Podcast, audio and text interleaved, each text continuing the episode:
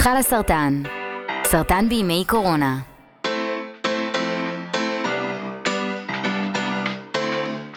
אז שלום לכולם ולכולם וברוכים הבאים והבאות לפודקאסט המחלה שלך לסרטן. אני ענת שפירא, אני בת 39, אני אימא של ארי וליב, אני הבת זוג של ליאור.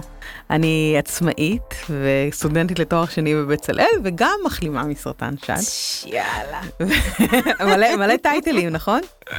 ועכשיו התור שלך, מאיה. טייטלים חשובים. אה, אז היי לכולם, אה, שמי מאיה בירן פלס, אה, ואני הייטקיסטית בת 34, נשואה לעודד המקסים ואימא לדור הנהדרת.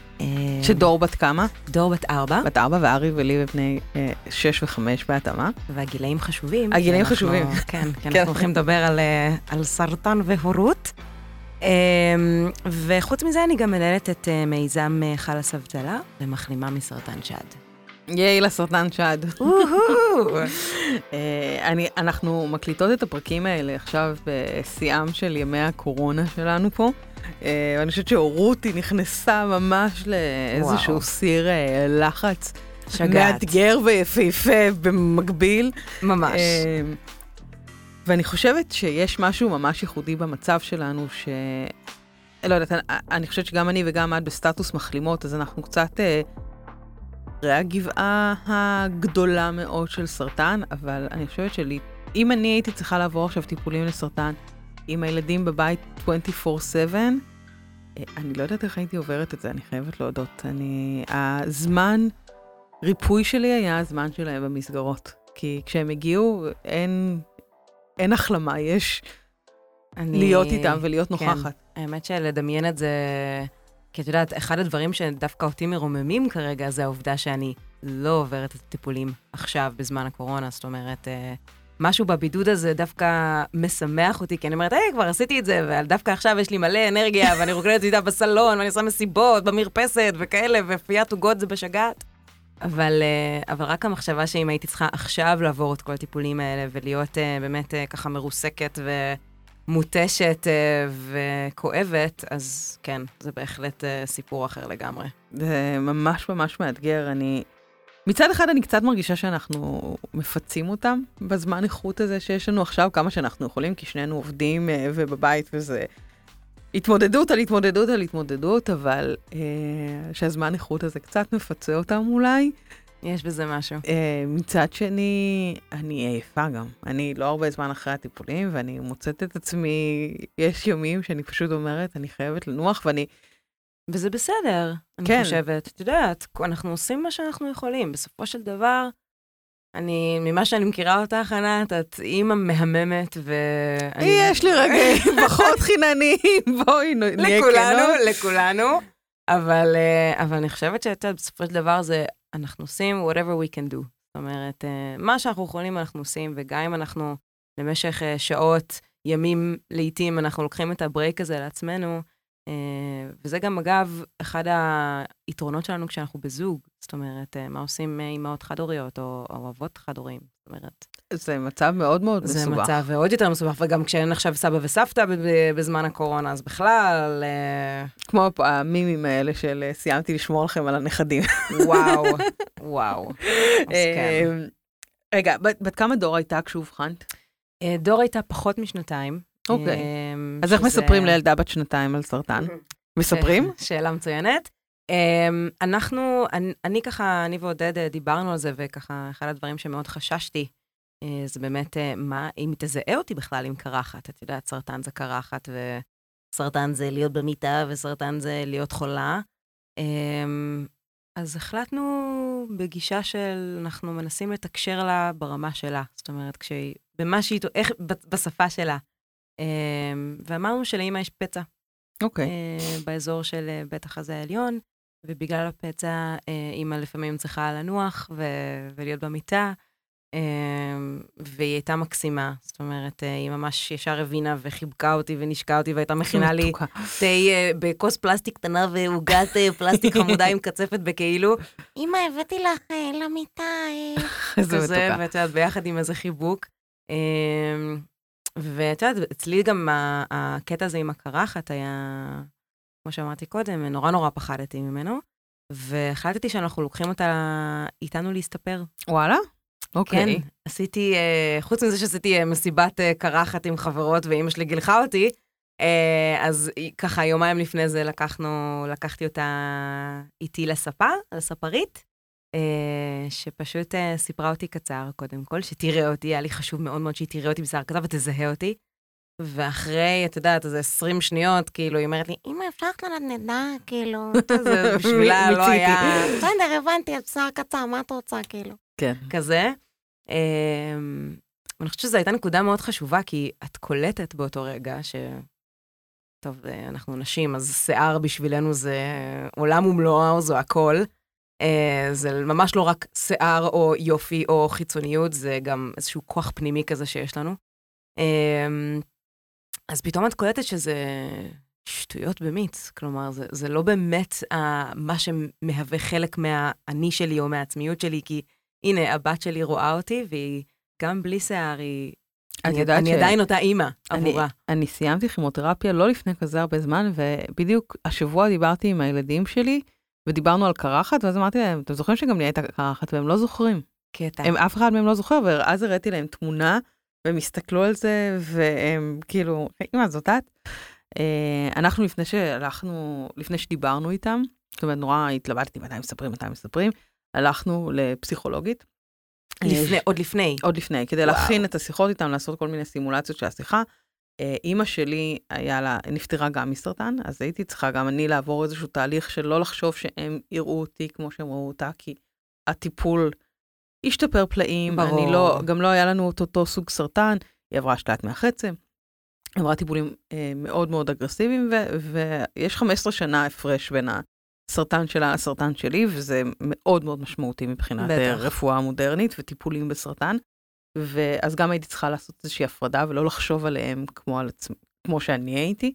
בני כמה הם היו כשזה קרה בעצם? הם היו בני ארבע וחמש. הם, יש ביניהם שנה הפרש, שנה ושבועיים, אני עדיין מחכה למשאית המדליות, היא לא הגיעה. אה, והם- ואז ישבנו שם, וכאילו אמרתי לעצמי, טוב, אני מוכנה לשיחה הזאת, וידעתי שאנחנו ננהל אותה רק ממש לפני שאני אתחיל את הכימותרפיה.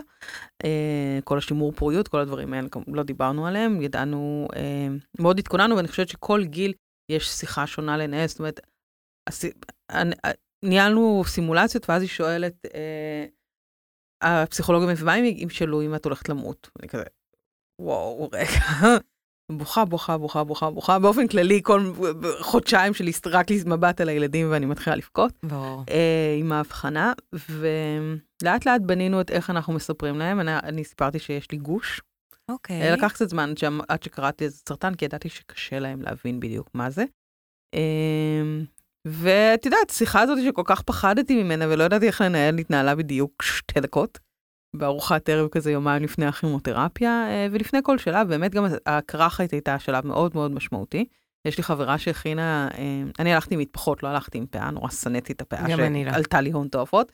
ויש לי חברה שהעירה לי אה, מעין חוברת כזאת של המטפחת של אימא. אוי, מקסים. אז אה, כן, אה, ממש. וזה, אז נורא צחקנו על זה, והכל עבר נורא נורא בהומור.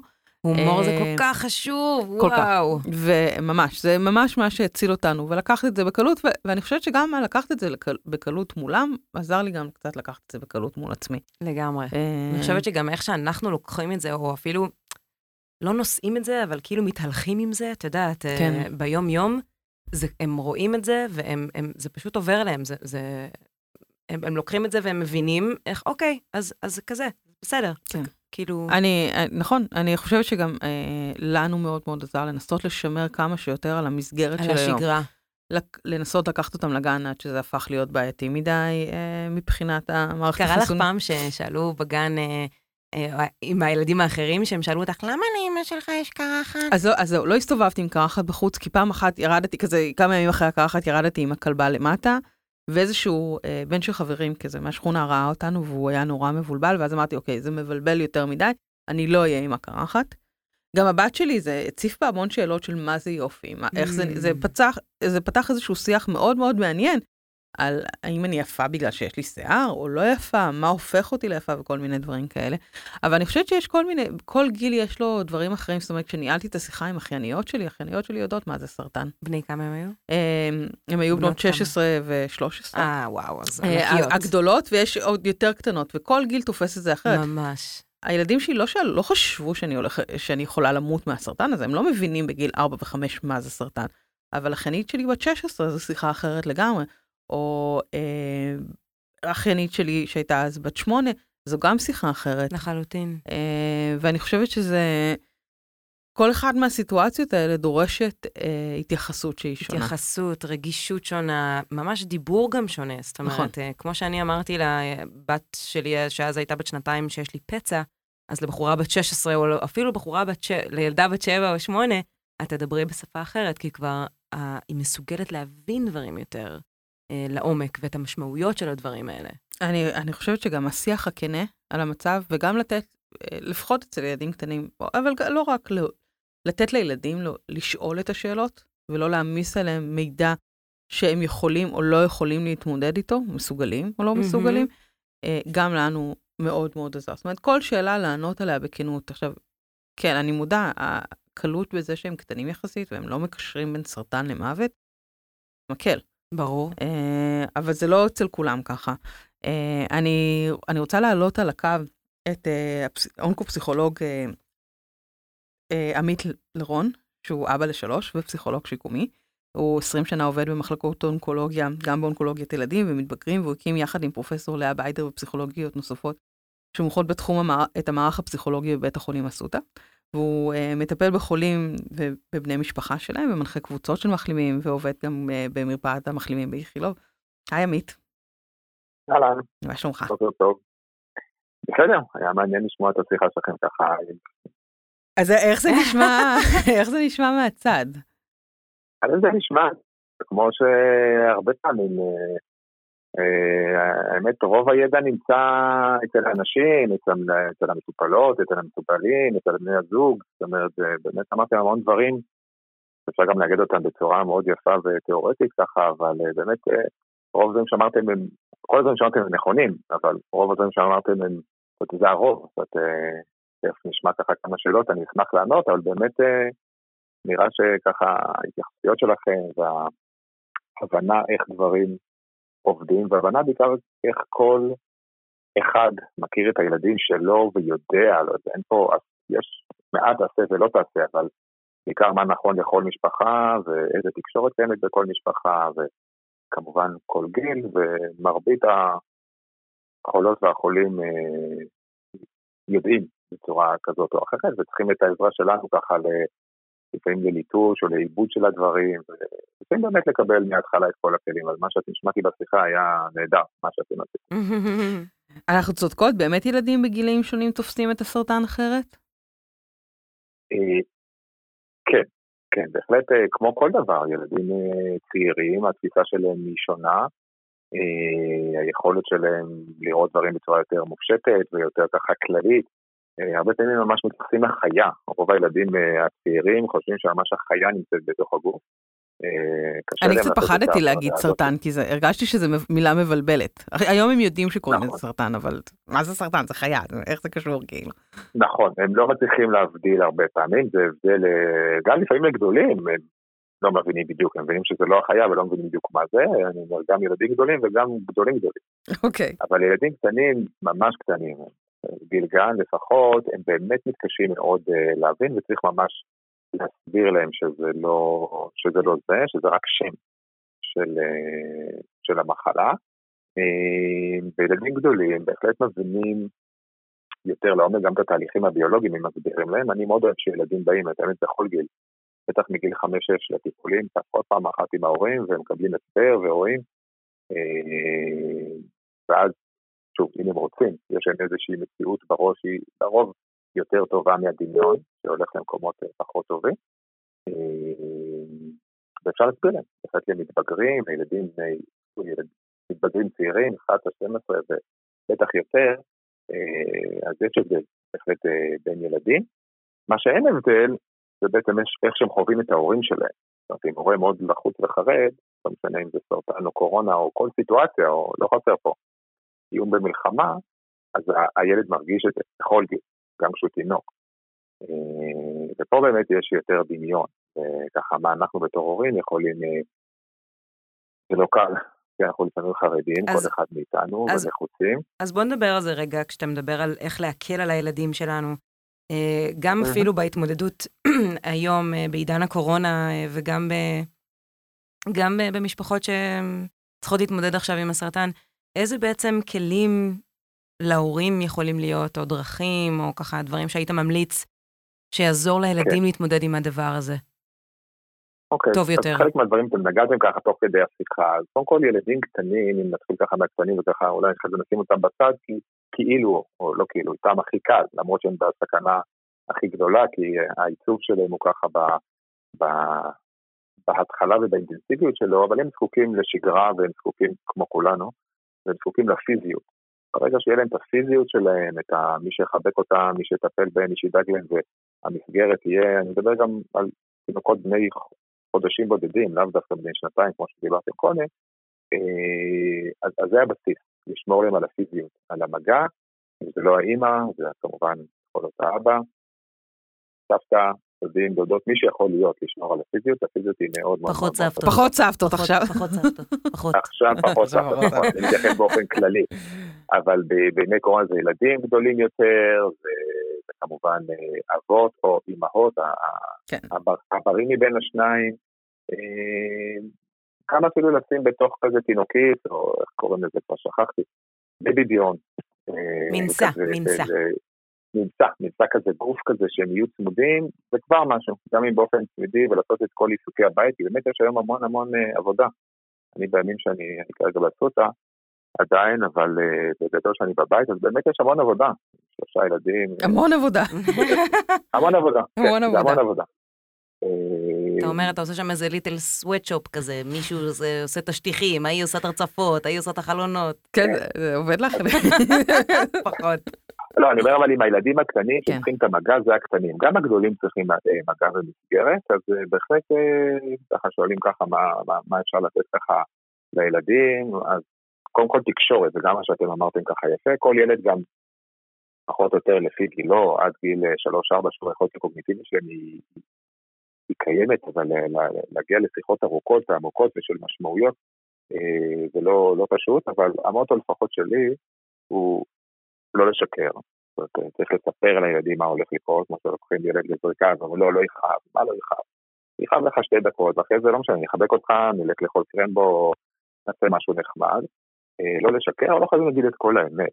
במקרים רבים, האמת היא סך הכל בסדר גמור, זה טיפולים ומחלימים, כמו שאתם סיפרתם קודם, אבל מה יקרה אחר כך ואיך ולמה, ואפילו עם ניתוח עוד חצי שנה זה, זה גדול על ילדים צעירים, אפילו ילדים גיל 9-10, אין סיבה להעמיס עליהם פרטים שהם לא רלוונטיים לימים, או לא תלוי בגיל כמובן, או לזמן הקרוב, אבל אם הם שואלים כמובן לענות להם, כן, יהיה ניתוח עוד חצי שנה, אם הם שמעו משהו, אבל... אה, למרות שהיום אה, בעידן הדיגיטלי שלנו, זה זקן זה היה מבחינתי להגיד את זה, אבל אה, את יודעת, היום ילדים בני עשר היום, הם, הם כל היום בטלפון, הם כאילו יכולים תוך שנייה לגלגל, לגגל את ה-whatever, מה שאימא או אבא אמרו להם, ואתה יודע, למצוא נכון, נכון. המון המון מידע. הם יכולים לעשות המון דברים ברשת, למצוא כל מיני מידעים, היום זה כבר פחות פופולרי, סרטים של דאעש וכאלה, וצריך להסביר להם את הסכנות שיש אה, ברשת, ולהגיד להם שגם פה, הרשת היא כמו, פעם הייתי אומר שזה מזבלה, אבל זה לא נכון, ברשת יש דברים מאוד טובים, ויש גם דברים לא טובים, זה כמו שוק. אבל הם לא מסוגלים לבחור בשוק הזה מה נכון ומה לא נכון, גם רופאים לפעמים, הם יודעים ללכת לאיזה אתרים, ושם הם יודעים שזה טוב. אבל כמות האינפורמציה שיש ברשת היא אינסופית, ולהגיד לילדים שזה מאוד מאוד בעייתי ללכת ולקבל מידע, שכל שאלה שיש להם, שישאלו אתכם, שיעבירו דרכם, וכל מידע שהם כן קיבלו מהרשת, הם uh, צריכים לבוא ולשאול אתכם, ואם אתם לא יודעים, אז להעביר את זה כמובן אלינו, לצוות הרפואי, הפארה-רפואי, ולקבל את המידע הנכון. אתה יכול להתייחד באמת, אין מה, קשה מאוד להתמודד. אבל יש לי, יש לי שאלה קצת, אה, גם, גם לגבי כן. המצב הנוכחי, כאילו ההתמודדות, הבית הוא גם ככה נמצא באיזושהי, אה, במוד אה, של לחץ בגלל הסרטן. אה, לפעמים. מורה אחד הוא לא כל כך מתפקד, ועכשיו הילדים נמצאים כל הזמן בבית. וזה הופך להיות איזשהו מגה סיר לחץ או התמודדויות, גם להורה הבריא, גם להורה החולה. גם לילדים נכון. עצמם, גם הילדים, אני חושבת, לא, לפחות אני יכולה לדבר על שלי, שרק עכשיו מתחילים להתאושש וגם להגיש לי את הקבלות על כל תקופת הסרטן הזאת, פתאום עכשיו אנחנו. עוד הפעם באיזשהו מצב כזה, יש איזה שהם כלים קצת אה, לשחרר את הלחץ הזה, להקל על המצב הזה, אה, הכפול. אני חושב שהם כלים כלליים לכל האוכלוסייה, פה את אומרת, אתם, מי שממש רק החלימה עכשיו, או מי שבתוך, שמעת אתכם מדברות, וואו, אם היינו צריכים עכשיו לקבל את כל הטיפולים האלה, איזה אסון זה היה. אה, מי שבתוך המשבר, או בתוך קבלת הטיפולים הכימותרפיים, זה בהחלט אה, לא פשוט, או בכלל הבחנה וניתוח, הדברים פה ממשיכים כרגיל. אני גם כשהיום זה קצת מוזר, שהן נמצאות פה מטופלות בטיפול יום, אני מדבר איתן בווידאו, כי כמה שפחות אה, לסכן אותן. אה, אבל הטיפולים ממשיכים, כרגיל, ניתוחים ממשיכים כרגיל, זה אולי ככה כדי להרגיע את המטופלות שחושבות, וואו, אולי משהו ישתנה, גם אם יהיה סגר מוחלט, הדברים ימשיכו כרגיל, רק הדברים המסביב אה, יקוצצו. אז אין הבדל עם משפחות רגילות, לכן פשוט מי שככה סיים, או ככה באמת קצת שחוק או עייף, אה, יש עוד תוספת. שוב, אמרתם את זה מקודם, סדר יום, איזשהו משהו ככה יותר גמיש, בסדר? משהו יותר משחקי ככה, אני יכול לחשוב בתור לא, לא חובב אה, טכנולוגיה גדול. אה, מסכים הם פתרון לחלק מהילדים, אני הייתי ככה מנסה למצוא את ה... אני, אני חייבת להגיד, אה, מסכים, אני גם הייתי מאוד אה, מקפידה עליהם, אבל וואלה, יש מצבים בחיים. סרטן וקורונה הם שחרור לגיטימי לקצת אה, יותר זמן מסכים. כן, אבל גם, אבל גם בתוך המסכים, זה קצת כמו עם אוכל, את יודעת, אה, היום אני כבר לא אוכל מקדונלדס, אבל פעם הייתי אוהב, אבל אם הייתי אוכל יותר, אז זה היה עושה לי כבר לא טוב. אז גם בתוך המסכים יש ג'אנק פוד ויש דברים טובים, באמת יש דברים טובים, וגם מבחינת, אני חושב ששיחת... אה, זום או שיחה חברתית או להתקשקש עם החברים, תלוי שוב באיזה גיל כמובן, אבל אומר, זה כבר משבע ומעלה, אבל לא משנה.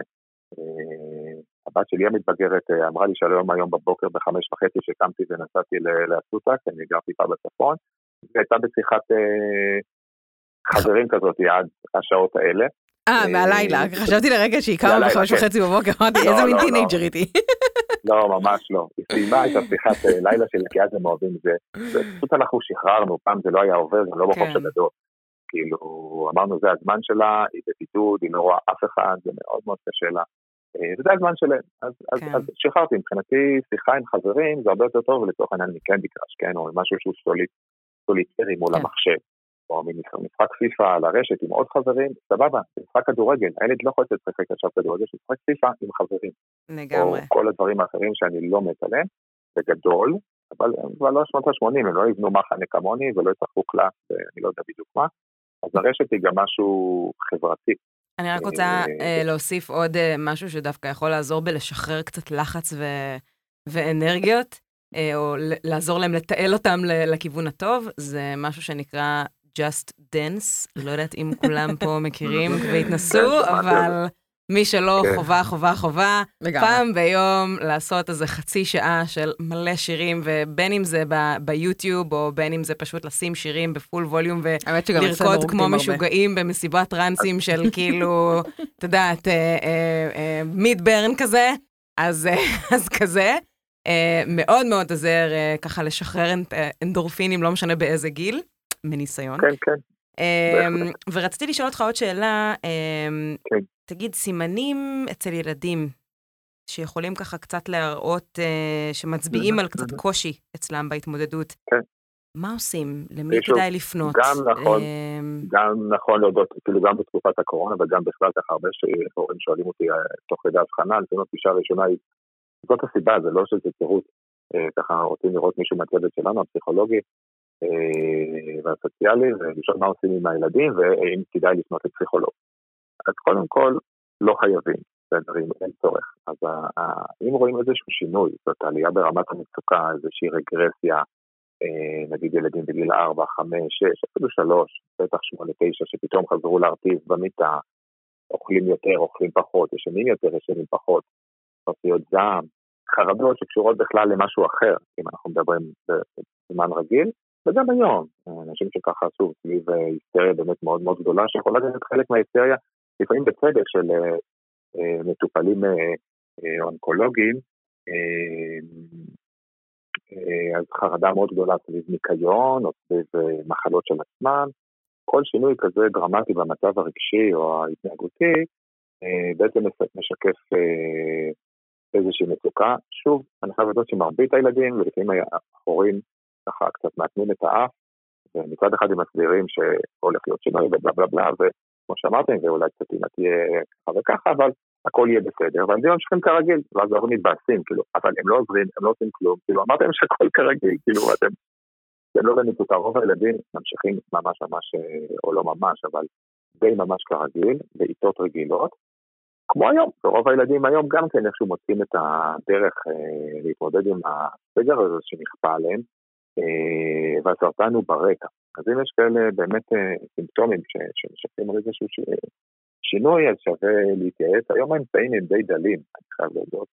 אה, בתי הספר חלקית עובדים, אז יש רצות, יש פסיכולוגיות, הם עדיין אמורים לתת איזשהו מענה, אבל זה נורא נורא נורא קשה. הייתה פה אה, משפחה שככה רצו איזשהו מענה לילד שלהם בין ה-12, ממש שבוע שעבר, וזה נפגש ראשון, אני לא מכיר את הילד, אמרתי, זה נורא קשה לבוא וליצור איתו שיחת וידאו, והמצוקות ואת החרדות שלו סביב המחלה של ההורה, אה, זה מאוד מסובך עם ילדים צעירים. עם מתבגרים אני חושב שזה יכול להיות יותר אה, קל, אם הם רוצים כמובן, הרבה פעמים הם לא רוצים.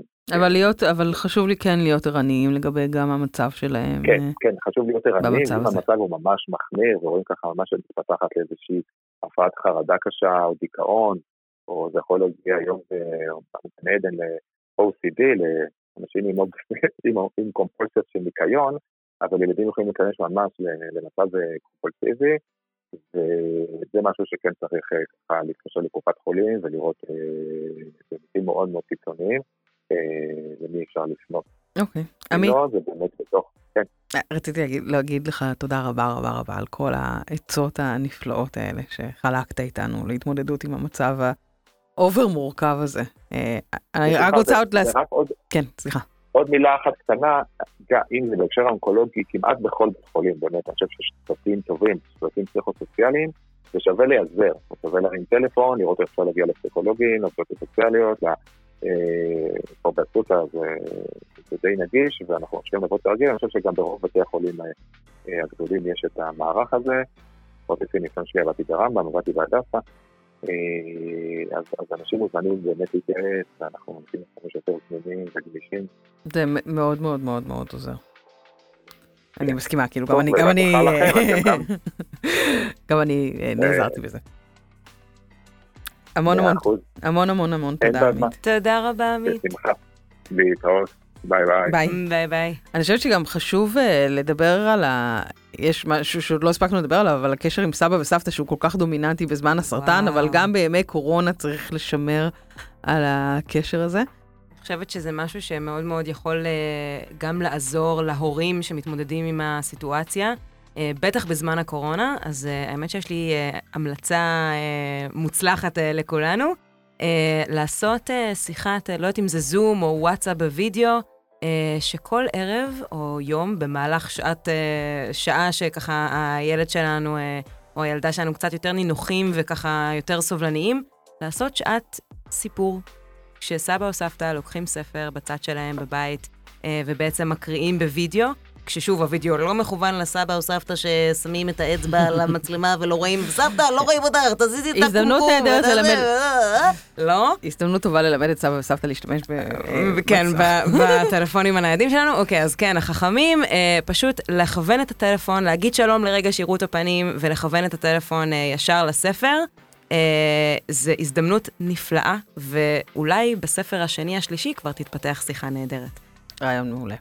המון המון תודה, מאיה. תודה לך, תודה אם לכולם. אם אתם רוצים uh, להמשיך לדבר על זה ולקבל עוד מידע או לספק את יצר הסקרנות שלכם, חפשו את חל הסרטן בפייסבוק, בקהילות ובאינסטגרם, ואנחנו נהיה כאן גם שוב בפרק הבא. עד אז תשמרו על עצמכם. תודה.